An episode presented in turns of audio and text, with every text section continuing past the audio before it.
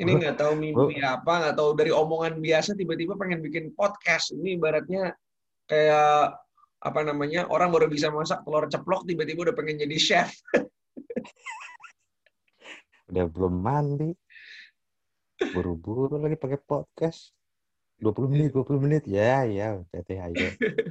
pengen bikin podcast gara-gara uh, apa namanya kayaknya kalau gue ngelihat banyak orang-orang yang bikin podcast tuh sekarang cool dan keren gitu. Pengen kayak gitu juga nih. Gimana nyu? Lu kenapa Maka... pengen bikin beginian tiba-tiba enggak? Karena ngikutin gue aja. ya kan pesannya lu nabi gue aja.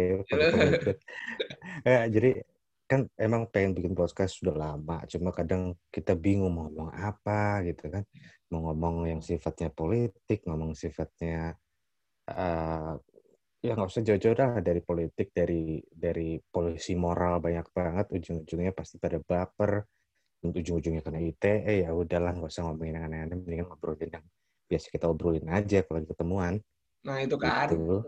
sekarang hmm. lu lu yang pendengerin kita udah pada paham kan kenapa kita bikin podcast. Aja Manyu baru disuruh ngomong uh, dikit aja langsung udah keluar semuanya pengen diomong. Jadi by the way ini kenalan dulu nih ya gue Adip, ini hmm. Manyu. Uh, hmm. Kita lagi uh, apa namanya ngobrol-ngobrol santai aja, relax hmm. gitu. Karena kita kan ini ceritanya nih kita nih bapak-bapak nih, kita berdua nih yang kayaknya tuh udah sumpah banget ngelihat uh, apa uh, apa pengen lihat keadaan sekarang tuh udah pengen misu-misu, pengen marah-marah, udah pengen teriak-teriak di rumah tapi ada anak bayi. Jadinya ya kita suarakan suara kita di internet aja gitu kan. Berarti kalau bisa kita ngomong di internet hilang. ya, kita udah temenan udah berapa lama ya dari SMA kelas 1 itu tahun 9 96 ya? Iya. 96. Lama banget itu. Gue kalau inget lo apa namanya uh, pertama kali gitu ya lu pakai sweater orange gitu terus dalam hati gue ini orang kakinya panjang banget ya. Tapi nggak tinggi. Ya doang panjang gitu. Itu pikir terus uh, apa namanya kan itu stand out banget ya. Jadi kayak kulit tuh kan rada hitaman tuh. Ya, gue juga hitam sih. Tapi maksud gue tapi lu pakai jaket orange ini orang pede banget. Dari mana asal kepedean ini gitu gue kenalan. tapi tapi kalau ngomong masalah SMA, uh, banyak banget emang. Hal-hal yang hal-hal yang dipelajarin di SMA tuh banyak banget. Dan lu kan salah satunya ngajarin apa sih kayak gimana sih cara PDKT sama cewek. oh, Padahal kehidupan kehidupan uh, berpa, apa uh, pergaulan gue juga menyedihkan. Jadi ibaratnya kayak Iya, enggak. gue gue yang nggak tahu apa-apa, gue nanya juga bukan sama orang yang tepat. Karena kebetulan yang yang lo tanya ini juga juga uh, uh. apa? Uh, lu nggak berani nanya ke orang lain, berani nanya ke gue aja gitu. enggak, kan enggak gue inget banget lo waktu itu ngomong kan bilang, uh, lu kalau deket sama cewek, lu cari bahan kesamaan apa sih istilahnya? Uh, kesamaan yang, apa yang ini kesukaannya sama bener itu. Uh, uh, dong gue. Iya benar dari kecil gue udah hebat ya gue. iya, tapi setelah lo cerita kejadian lo ketemu sama cewek di mana tuh ya Taman Anggrek atau di mana? ya, yang katanya suka bela diri, suka film action, nggak juga praktekin tendangan di mall. Jadi uh, mungkin bagi yang denger nih kalau gue tau lah uh, semua orang tuh punya zaman masa SMA yang beda-beda gitu ya. Iya. Cuman kalau ada ada, ada fase alay lah. Uh, kalau gue kalau gue nyeritain apa uh, apa yang gue lakukan waktu SMA hal-hal memalukan yang gue lakukan waktu SMA mungkin kalau ini sampai terdengar di tempat kerjaan gue gue akan langsung dipecat seketika. Karena terlalu memalukan jadi gue tuh dulu menganggap bahwa yang namanya apa split fandom.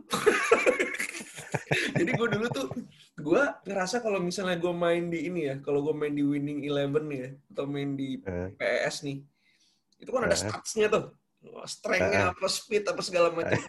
Nah kalau misalnya di manusia tuh mungkin kayak ada ketampanan, kepintaran, ke apa. Nah, bagi gue nilainya tuh semua tuh di bawah 5 semua. 4, 3, 2, 1, tapi giliran split 20.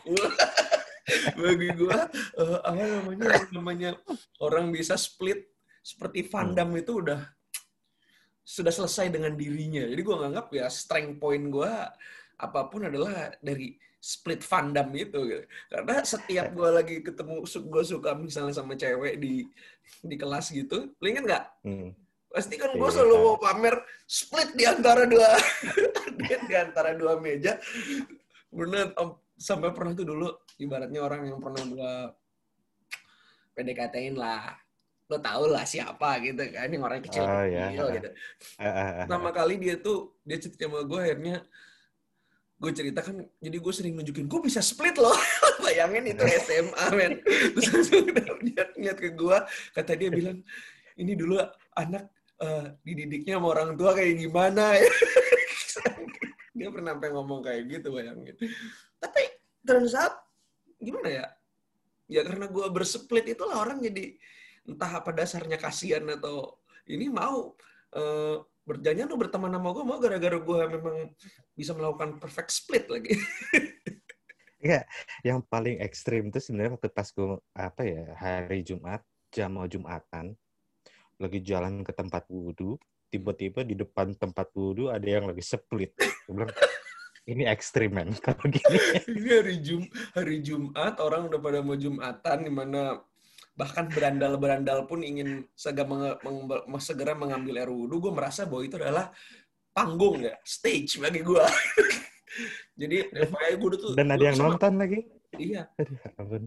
Dulu gue sama Manyu ini, adalah kita ada dua orang temen lagi, mungkin kapan-kapan kita ajak sini ya. Itu, mm -hmm. uh, kok dipikir-pikir kita tuh nggak mainstream banget, tapi kita menganggap tuh diri kita tuh keren banget tuh itu. Meskipun gak ada yang menganggap orang keren. Jadi gue sama Manyu tuh uh, sama sama teman-teman kita yang lain tuh suka banget sama yang namanya um, bela diri gitu ya. ya. Kita hanya ngomong, kita kita berempat itu nggak ada yang professionally masuk ke dalam suatu uh, pelatihan yang jadi juara di mana enggak gitu. Tapi kita ngerasa kita hebat aja gitu.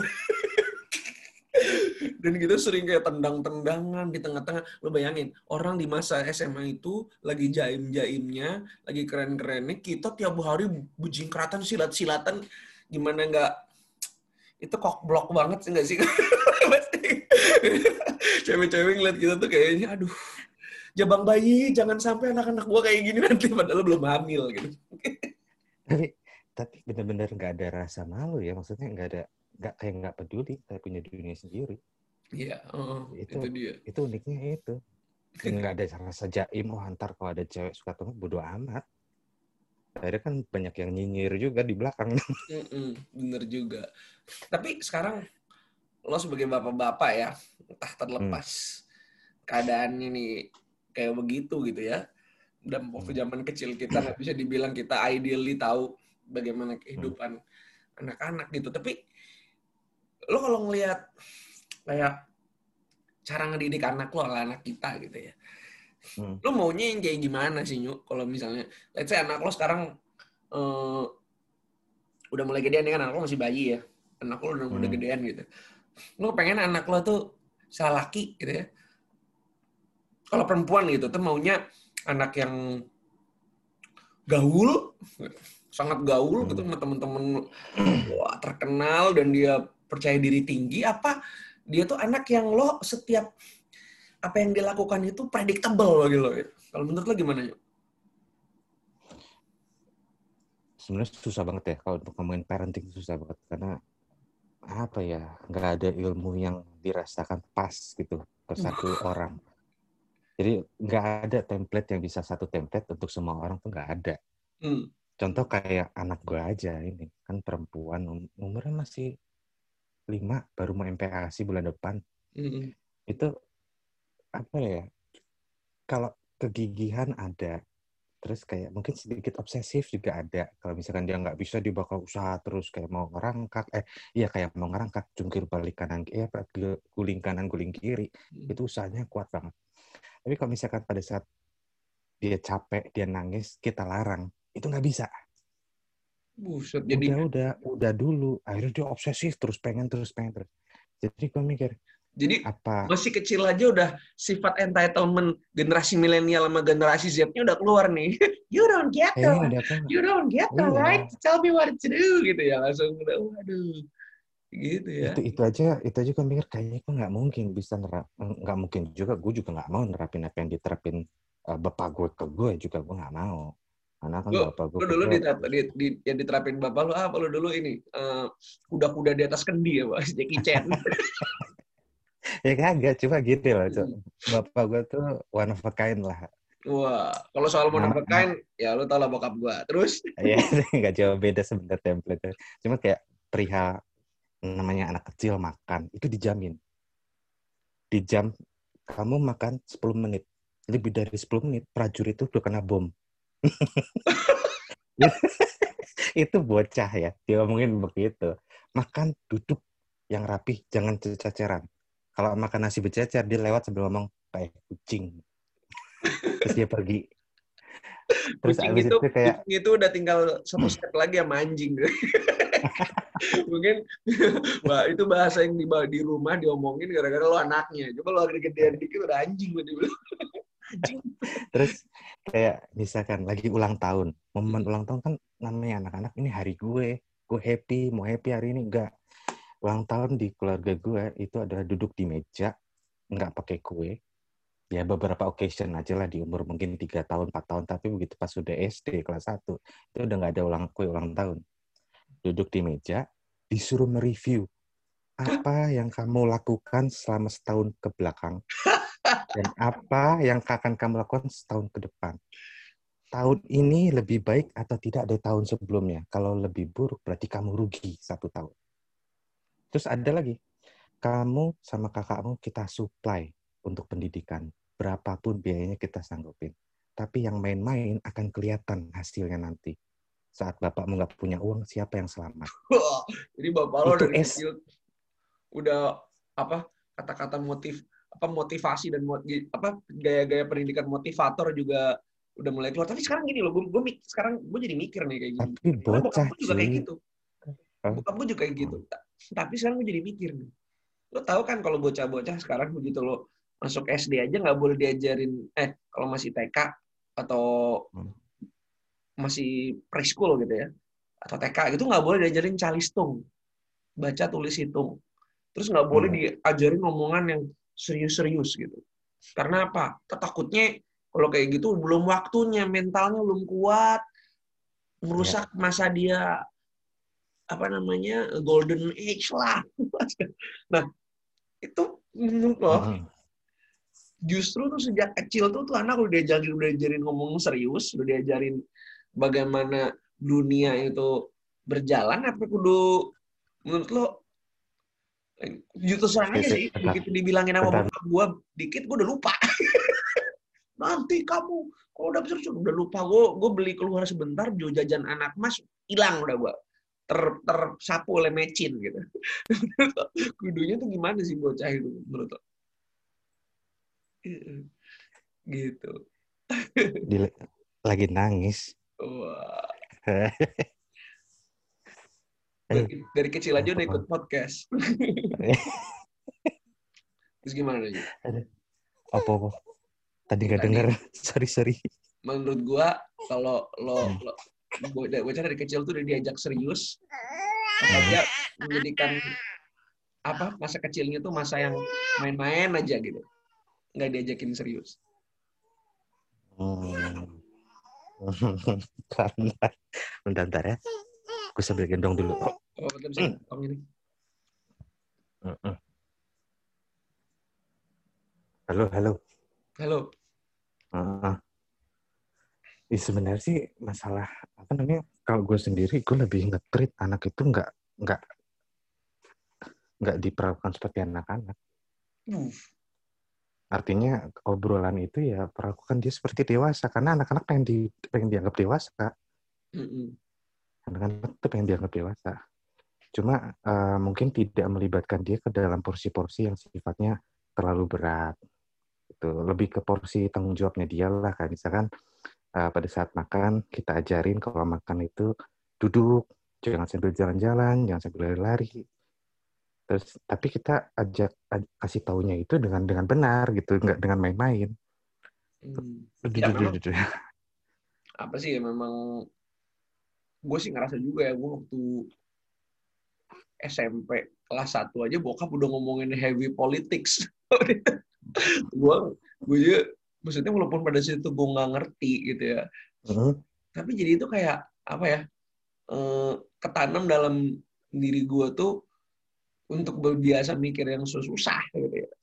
Bahwa jadi ketika kita jadi orang gede beneran itu nggak naif-naif banget lah karena uh, ternyata banyak juga meskipun bokap yang ngomongnya itu uh, ya namanya juga orang pahit apa bitter ya sama uh-huh. pemerintahan atau kayak gimana gitu atau faksi politik tertentu gitu dia ngomonginnya ya subjektif banget ya nggak mesti bener juga gitu tapi pada saat itu uh-huh bokap gue, gue udah gatal banget pengen nonton Sensei ya gitu ya.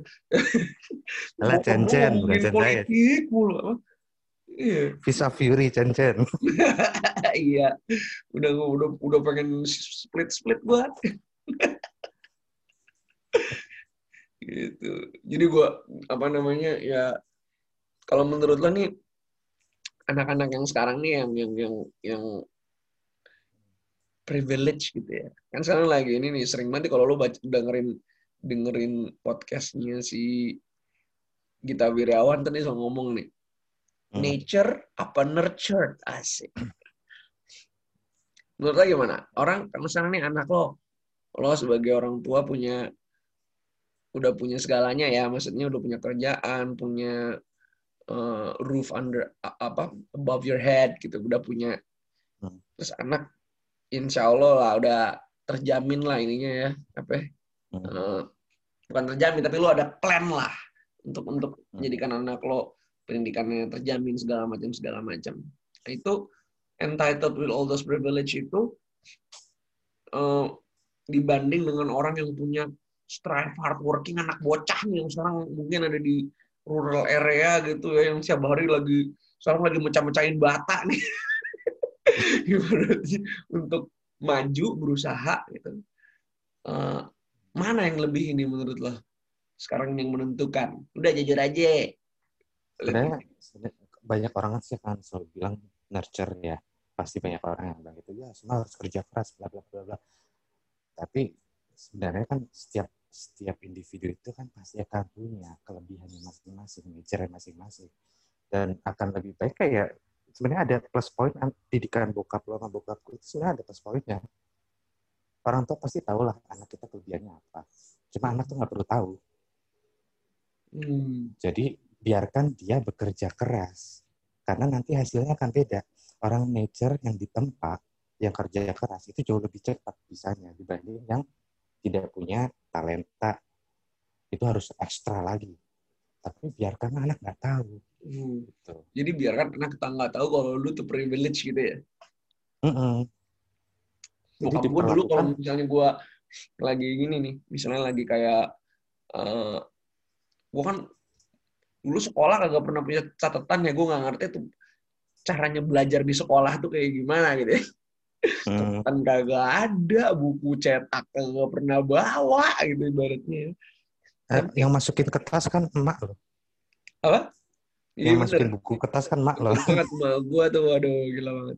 Jadi gue dari kecil tuh emang spoil brat berarti kalau dipikir-pikir. Tapi pada saat itu gue ngerasa gue tuh menderita banget karena bokap gue pelit. Jadi gue jajan segala macam. Tapi anyway, waktu gue ngerasa apa namanya, um, bokap gue selalu bilang kayak gini nih, kayak misalnya bokap gue kan uh, apa namanya dari kerasidenan Banyumas nih. gue selalu bilang kayak gini nih Wah jadi bocah ya aja dolan dalan boy kowe pokoknya bokap gue apa pergerakan gue itu udah di tidak pernah jadi ibaratnya kayak anak sekarang nih bilang nih kalau gue misalnya di Amerika gitu ya si ibunya ngomong dikit you're grounded gitu kan langsung I hate you itu kalau bokap gue denger gue ngomong I hate you tuh waduh itu yeah. ibaratnya Brazilian Jiu Jitsu dan rear neck choke Terus pagi-paginya gue dikasih sarapan kroto kali, gak pernah. dikasih makan. Tapi keras gitu, keras gitu. Tapi sekarang gue appreciate tuh bokap gue keras. Lo iya nggak? Menurut lo? Oh sangat. Cuma masalah gini loh, kadang gue bingung. Kayak Jackie Chan kan juga pernah tuh diwawancarain di acara TV Prancis dia dia dia cerita bahwa didikan dia dulu tuh latihan keras terus bapaknya dia kan jarang pulang mm. nah saat bapaknya pulang itu yang dia lakukan adalah TV-nya dimatiin disambut bapaknya selamat datang terus di uh, dicopotin sepatunya bikinin teh sediain teh ke bapaknya terus dia duduk di situ terserah bapaknya mau ngajak ngobrol atau enggak sementara anaknya si JJ Chan ini si Jackie Chan nggak pulang tiga bulan begitu pulang posisinya buka pintu, anaknya lagi nonton TV sambil selonjoran. Halo, Dad. buru-buru buru-buru bangun. Terus kalau ngajak ngomong bapaknya, nggak bisa tangannya diem. Sambil kayak orang rapper. Uh, besok pagi saya mau ke sini, karena saya harus gini, harus gini. Sambil bilang, diem tangannya, gak usah gerak. nah, terus dia bilang katanya, uh, kalau anak zaman sekarang kita kasarin, udah ada hukumnya bahwa anak bisa nuntut orang tua. Itu yang di luar. Gue nggak tahu deh di Indonesia gimana. Jadi kalau misalkan anak merasa kayak terancam, merasa kayak uh, di Amerika sendiri kan bisa panggilan social service kan, kalau misalkan anak merasa terancam, itu secara nggak langsung justru akan mengganggu cara mendidik anak. Dan plus tambah lagi yang namanya yang namanya viral zaman sekarang itu polusi moral udah banyak banget.